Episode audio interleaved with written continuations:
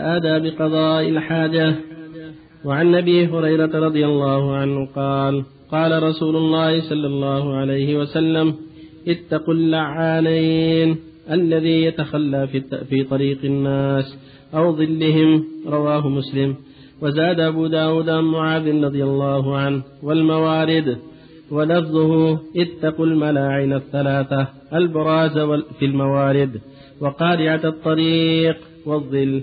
ولأحمد عن ابن عباس رضي الله عنهما أو نطع ماء. وفيهما ضعف وأخرج الطبراني النهي عن قضاء الحاجة تحت الأشجار المثمرة. وضفة النهر الجاري من حديث ابن عمر بسند ضعيف. وعن جابر رضي الله عنه قال قال رسول الله صلى الله عليه وسلم إذا تغوط الرجلان فليتوارى كل واحد منهما عن صاحبه ولا يتحدثا فإن الله يمقت على ذلك. رواه أحمد وصححه ابن السكن وابن القطان وهو معلول. وعن أبي قتادة رضي الله عنه قال قال رسول الله صلى الله عليه وسلم لا يمسن أحدكم ذكره بيمينه وهو يبول. ولا يتمسح من الخلاء بيمينه ولا يتنفس في الإناء. متفق عليه. واللفظ لمسلم. بسم الله الرحمن الرحيم. الحمد لله. صلى الله وسلم على رسول الله وعلى آله وأصحابه ومن اهتدى بهداه. أما بعد فهذه الأحاديث تتعلق بآداب التخلي في الحديث السابق النهي الحديث الأول النهي عن تحدث الرجلين إذا ذهبا إلى الغائب فلا يتحدث فإن الله يقص على ذلك.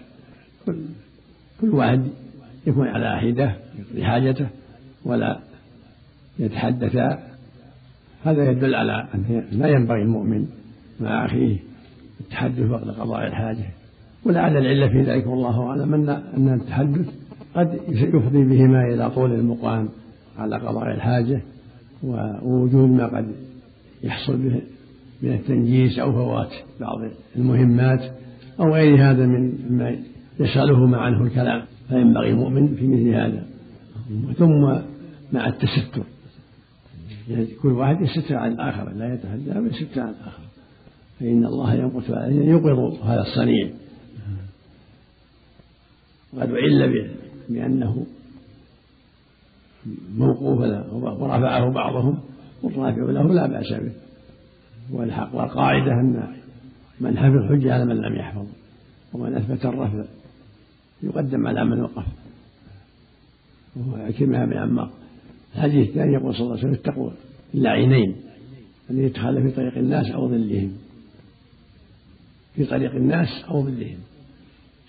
سمي العينان سمي الطريق اللاعن الطريق والظل لاعنان لأن لأنه يسبب اللعن من من فعل فيهما ما يؤذي الناس. فلا يجوز للمسلم يتخلى في الطريق ولا في الظل الذي ينتفع به الناس لأن هذا يؤذي الناس ويشق عليهم. والمسلم أخو المسلم لا يؤذيه ولا يضاره. ولا شك أن التخلي في الطريق أو في الظل الذي يستظل به يؤذي الناس. وهكذا. اتقوا الملائكة الثلاثة البراز الموارد وقال البراز التبرز يعني قضاء الحاجة. بكسر البراز المبارزة في الحرب.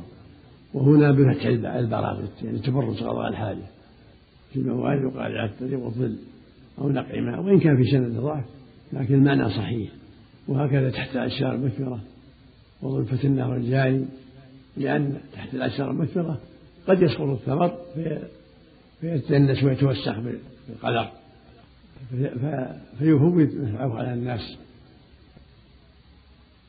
وهكذا ضفة النهر الجاري يؤذي الناس. لأن الناس يقفون على النهر الجاري على ضفته يشربون ويتوضعون هذا مما يؤذي الناس. حتى ولو لم يرد في ذلك لم يرد في ذلك أحاديث فالمعنى يدل على فالمعنى يوجب ذلك. لأن هذه الأشياء ينتفع بها وقضاء الحاجة فيها. يؤذي الناس ويضرهم والمسلم لا يضر إخوانه لا ضرر ولا ضرار. الحديث الأخير. كذلك يقول صلى الله عليه وسلم لا يمسك أن ذكره بيمينه وهو يبول ولا يتمسح من الخلاء بيمينه ولا يتنفس في الإناء الواجب على المؤمن عند قضاء الحاجة أن يستبع اليسار لا اليمين تكريما لليمين لأن اليمين بها الأخذ والعطاء والمصافحة والأكل والشرب فيبعدها عن مس الذكر قد ينالها شيء من البول. ولا يتمسح بها من الخلاء بل باليسار يستجمع باليسار ولا يتنفس في الإناء بل يفصل الإناء. إذا أراد يتنفس يفصل الإناء. ولا ينفخ فيه كما في الروايات الأخرى. هذا هو السنة. وفق الله جميعا. هذا على الوجوب عفى الله عنك. نعم. على الوجوب الحديث هذا هذا الأصل. الأصل في النواهي والأوامر الوجوب هذا هو الأصل. نعم. نعم.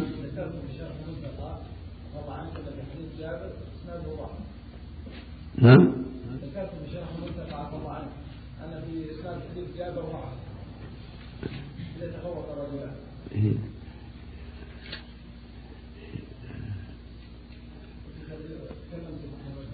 في ضعف لكن اللي, اللي رفعه اللي رفع عيش بن عمار لا بأس به. نعم. عفى الله عنك هذا يدل على جو اللي رفعه لا بأس به. نعم. يجوز لعن المعين على هذا؟ أحسن الله عمل. لا لا لا العموم هذا لعنه فعل من فعل كذا يلعن يعني مثل من من من أذى المسيء فهو ملعون من فعل كذا يلعن الجنس. جنس من فعل هذا. أما المعين فلان من فلان ترك هؤلاء. على هذا يعني لو من فعل كذا.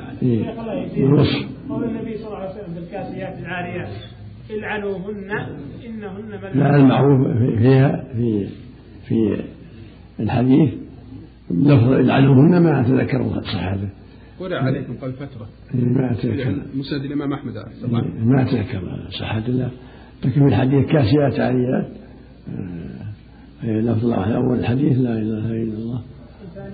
من الله لم أرهما نساء كاسيات عاريات مائلات مولات رؤوسهن مثل أسر البغي لا يدخلن الجنة ولا يريحها ورجال بأيديهم سياط يرذبون بها الناس.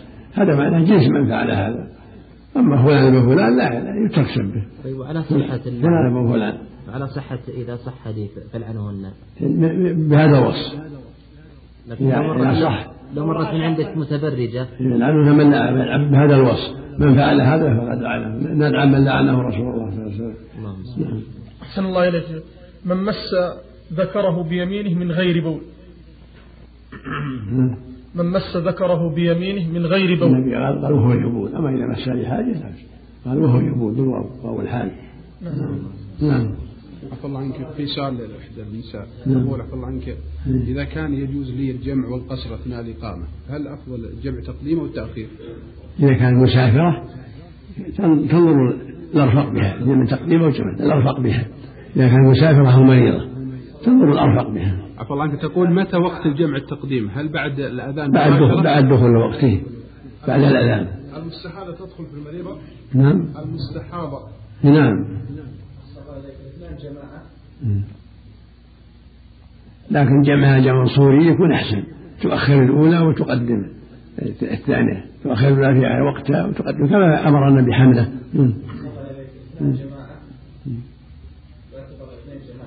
لجمع المحرم عفى الله عنك. إذا إذا حك موضع شعر رأسه فتساقط شعره شعرتين. إذا كان ما تعمد ما يضر إن شاء الله. نقول ما تعمد ما يضر. والحك للكراهة والشرب من حك موضع يرفق إذا حك رأسه يرفق بس ولا يرفق هذا ظاهر النهي. الأصل في النهي التهيئ والنبي صلى الله عليه وسلم من نهى عنه فاجتنبوه. وما أمركم فأتوا من استطعتم. صلى الله عليه وسلم. إذا كان الإناء خاص به هو. إذا كان الإناء خاص به مثل ديالة أحسن الله عليك. ولو ولو خاص به نعم. لفظة معلول عند يقولون إذا كان الأمر الإرشاد فإنه يكون للاستحباب. ما رأيكم يا شيخ؟ الأصل الاوامر الوجوب والأصل النهي هذا هو الأصل. والله يقول وما آتاكم الرسول خذوه وما نهاكم عنه فانتهوا. صلى عليه وسلم. هل معلول يقال بالوجوب إلا لفظة معلول وهو معلول يجمع تارة بالإرسال تارة بشطر بعض الرواة. تارة بالوقف. ما يا شيخ ما يضعف تختلف العلة. لا هذا يضعف يا شيخ ضعف شديد أو أنه يختلف بسيط. يختلف المحرم الله عليك يا شيخ هل يمشط شعره أو ينهى عن ذلك؟ نعم المحرم هل يمشط شعره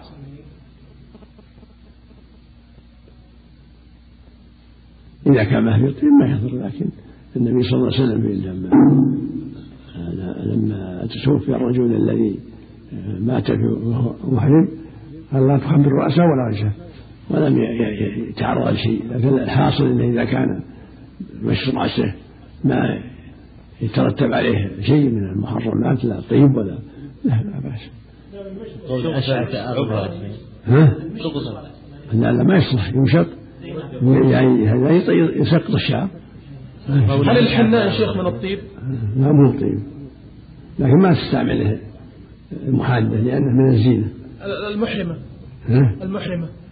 تركها من الأحوط قوله أحسن الله إليك أشعث أغبر. ما هو بالأولى ترك ترجي للشعر وهو محرم قوله أشعث أغبر يمد يديه إلى السماء. ما يقال الأولى الأمر سهل إذا كان إذا كان ما في طيب الأمر سهل وعن سلمان رضي الله عنه قال لقد نهانا رسول الله صلى الله عليه وسلم أن نستقبل القبلة بغاية أو بول أو أن نستنجي باليمين أو أن نستدي أو أن نستنجي بأقل من ثلاثة أحجار أو أن نستنجي برجيع أو عظم. رواه مسلم. وللسبعة عن أبي أيوب الأنصاري رضي الله عنه. ولا تستقبلوا القبلة ولا تستدبروها بغائط أو بول ولكن شرقوا أو غربوا. وعن عائشة رضي الله عنها قالت إن النبي صلى الله عليه وسلم قال من أتى الغائط فليستتر. رواه أبو داود. وعنها رضي الله عنها أن النبي صلى الله عليه وسلم كان إذا خرج من الغائط قال غفرانك. أخرجه الخمسة وصححه أبو حاتم والحاكم. وعن ابي مسعود رضي وعن ابن مسعود رضي الله عنه قال قال أتى النبي صلى الله عليه وسلم الغائط فأمرني أن آتيه بثلاثة أحجار فوجدت حجرين ولم أجد ثالثا فأتيته بروثة فأخذهما وألقى الروثة وقال هذا رجس أو ركس أخرجه البخاري. وزاد أحمد والدار قتني يؤتني بغيرها. وعن أبي هريرة رضي الله عنه قال إن رسول الله صلى الله عليه وسلم نهى أن يستنجى بعظم أو روث وقال إنهما لا يطهران. رواه الدار قطني وصححه. الحمد لله صلى الله وسلم على رسول الله وعلى آله وأصحابه ومن اهتدى به أما بعد. هذه الاحاديث كلها تتعلق بأداب قضاء الحاجة. وحديث سلمان حديث أبي أيوب الأنصاري وما جاء في معناهما تدل على أنه لا يجوز استقبال القبلة بغائط ولا بول. ولكن يجعل القبلة عن يمينه أو شماله وهذا في الصحراء متعين لا يجوز. في في البيوت فلا حرج على الصحيح. لأن النبي صلى الله عليه وسلم قضى حاجته مستقبل الشام مستقبل الكعبة في بيت في بيت حفصة كما قال ابن عمر رضي الله عنهما ولكن إذا تيسر في البيوت أيضا عدم الاستقبال فهو أحسن كما قال أبو أيوب. هو أولى وأحسن. لكن إنما يحرم في الصحراء كذلك يحرم على يستنجب يعني علمون يستنجب بيمينه الاستنجاء يكون باليسار أو يستنجب برجيع أو عظم كل هذا ممنوع كما دل عليه حديث سلمان وحديث أبي هريرة وقال إنهما لا يطهران فلا يجوز الاستنجاء بالعظم ولا بالعروات ولكن يستنجى باللبن أو الحجر وما أو المناديل الخشنة وأشباهها ولا يجوز الاستنجاء باليمين كما دل عليه سلمان وغيره يستنجي باليسار. والواجب على من اتى يستتر عن عيون الناس. ولهذا كان النبي كان النبي صلى الله عليه وسلم إذا أراد قضاء حجه أبعد ابتعد عن الناس. فالواجب البعد عن الناس حتى لا ترى عورته إذا كان في الصحراء. وإذا كان في البيوت فليكن في محل ليس يراه أحد فيه. كما كما هو معتاد. محل قضاء الحاجة يكون مستقل. أما في الصحراء يبتعد كما كان النبي عليه الصلاة والسلام عن رؤية الناس. هذا هو المشروع. وفق الله الجميع يقول الشارح هنا الله يحسن عمله ويستحب التثليث في القبل والدبر فتكون ستة أحجار. وورد ذلك في في في حديث. قلت إلا أن الأحاديث لم تأتي بطلبه صلى الله عليه وسلم من ابن مسعود وأبي هريرة وغيرهما إلا بثلاث أحجار. وجاء بيان كيفية استعمالهما في الدبر ولم يأتي في القبر ولو كانت الست مرادة لطلبها صلى الله عليه وسلم عند إرادته التبرك ولو في بعض الحالات. كأنه يعني يرى ثلاث تجزي عن القبل والدبر مقتضى كلامه هذا لكن ما هو بظاهر القبول لحال والدبر لحال قد الإنسان يبول ولا ولا عنده حاجة إلى الدبر. قد يبول ولا يخرج شيء من جهة الدبر. بل الاستنجاء يكون بأقل لا يكون بأقل من ثلاثة أحجار لا للقبول ولا للدبر هذا ظاهر الأحاديث. نعم. زيادة أحمد الدار قطن يأتني بغيرها. ثابتة عفى الله عنك. نعم. زيادة أحمد الدار قطن يأتني بغيرها. ثابتة؟ نعم. عفى الله عنك. عفى الله عنك. الأحاديث الصحيحة تكفي. أسئلة لبعض النساء أحسن الله عملك. تقول إذا كنت مسافرة من مدينة بريدة إلى الرياض ونويت تأخير صلاة الظهر مع العصر ووصلت إلى الرياض قبل صلاة العصر بحوالي نصف ساعة هل أصلي الظهر والعصر جمع وقصر في هذا الوقت أم أنتظر حتى أذان العصر؟ إذا كانت مسافرة تصلي الظهر والعصر. جميعا قصرا كانها مسافرة عندما جاء الرياض. بهم مقيمة في الرياض. إلا أربعة أيام فأقل إذا كانت مسافرة.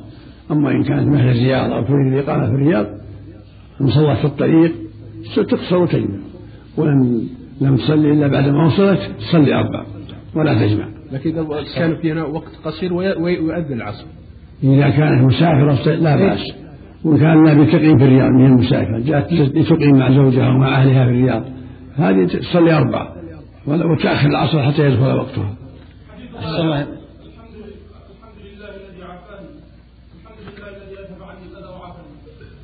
فيه ضعف. انه الخروج يقول غفرانه. عند خروجه من قضاء الحاجة لحديث عائشة.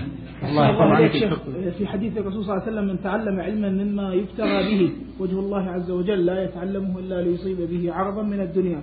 لم يجد عرف الجنة عرف عرف الجنة. عرف الجنة يوم القيامة. يعني ريحا أحسن الله إليك علما. هل يقصد به علم الدين أم علم هذا وعيد هذا وعيد شديد. مما يبتغى به وجه الله العلم الشرعي علوم الدنيا لا تشمل بهذا الحديث؟ أراد علوم الدنيا في الطب وغيره ما ما في بأس. يقول عفى الله عنك إذا إذا أردت. يسأل ما هو الأفضل لطلاب العلم؟ البدء بمتن متصل لأحد المذاهب الأربعة بالقراءة في بلوغ المرام وفتح الحكام على الشيخ. ليش؟ يقول ما هو الأفضل لطالب العلم أن يبدأ البدء بمتن متصل لأحد المذاهب الأربعة أم القراءة في بلوغ المرام وفتح الحكام على الشيخ؟ البدء بكتب العقيدة وكتب الحديث أولى. نعم. عفى الله. الله يقول إذا أردت العودة إلى مدينة بريدة قبل صلاة العصر بساعة أو أقل هل أجمع الظهر مع العصر جمع تقديم أي بعد الأذان الظهر أم أم ماذا أعمل؟ إذا كان في الطريق لا بأس إذا كان في الطريق بين بريدة والرياض مسافرة تجمع وإن جمعت فلا بأس وإن لم تجمع فلا بأس أما إذا كانت في بلدها لا تجمع أو في الرياض إذا كان قصدت إقامة تكتم أربعة أيام لا تجمع. الله من قال أن الصراط مخلوق يوم خلقت النار. نعم. من قال إن الصراط مخلوق يوم خلقت النار. الله هو شيء اللي كان في دور. هذا بعض طلبة العلم هذا هل هذا الصواب؟ الله الله أعلم. الصواب في ظاهر الأحاديث ثم يضرب الصراط على متن قل ما اسالكم عليه من أجل وما أنا من المتكلفين. الصواب في وصل الدعوة. سعي يبحث عن دين ويتعلم دين ولا عليه من الصراط يسال ربه أن الله يعينه على المرور الله عنك. من, من ينتظر؟ نعم. زوج الله يجزاك الجنة زوجته وجد منها فاحشة فتركها سنة ونصف. ثم بعد ذلك طلقها يقول هل أنا آثم في الترك؟ للآية التي في سورة النساء ولا تعذروهن تذهبوا ببعض ما أتيتموهن إلا أن يأتينا بفاحشة. هل أنا مطبق الآية ولا آثم؟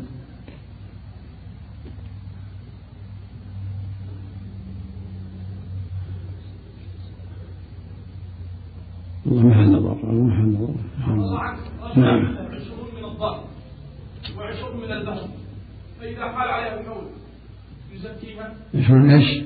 عشرون من الضأن وعشرون من صغار. الغنم إذا حال الحول على الجميع نعم. إذا حال الحول على الأربعين جميعا صغارها وكبارها نعم يزكي. يعني إذا حال الحول بعدما ولدت الصغار. إذا حال الحول بعد ولادة الصغار. بعض الجنائز عفى الله عنك تحمل في السيارة إلى المقبرة. فإذا وصلت إلى المقبرة تابع يجلس حتى توضع في اللحد ولا حتى توضع في الأرض. يقف حتى توضع في الأرض. لكن أحصل لك الحاصل الآن موضوع على السيارة عفى الله عنك في السيارة. إذا وصلت شيء موضوع إي نعم. كانه وصل كانه وضعت على كان موضوع صلى الله. عليه وسلم. وعن أبي هريرة رضي الله عنه قال قال رسول الله صلى الله عليه وسلم استنزهوا من البول. فإن عامة عذاب القبر منه. رواه الدار قطني. وللحاكم أكثر عذاب القبر من البول وهو صحيح الإسناد. وعن سراقة بن مالك رضي الله عنه قال علمنا رسول الله صلى الله عليه وسلم في الخلاء أن تقعد على اليسرى. جزاكم الله جزاكم الله علمنا رسول الله صلى الله عليه وسلم في الخلاء أن نقعد على اليسرى وننصب اليمنى.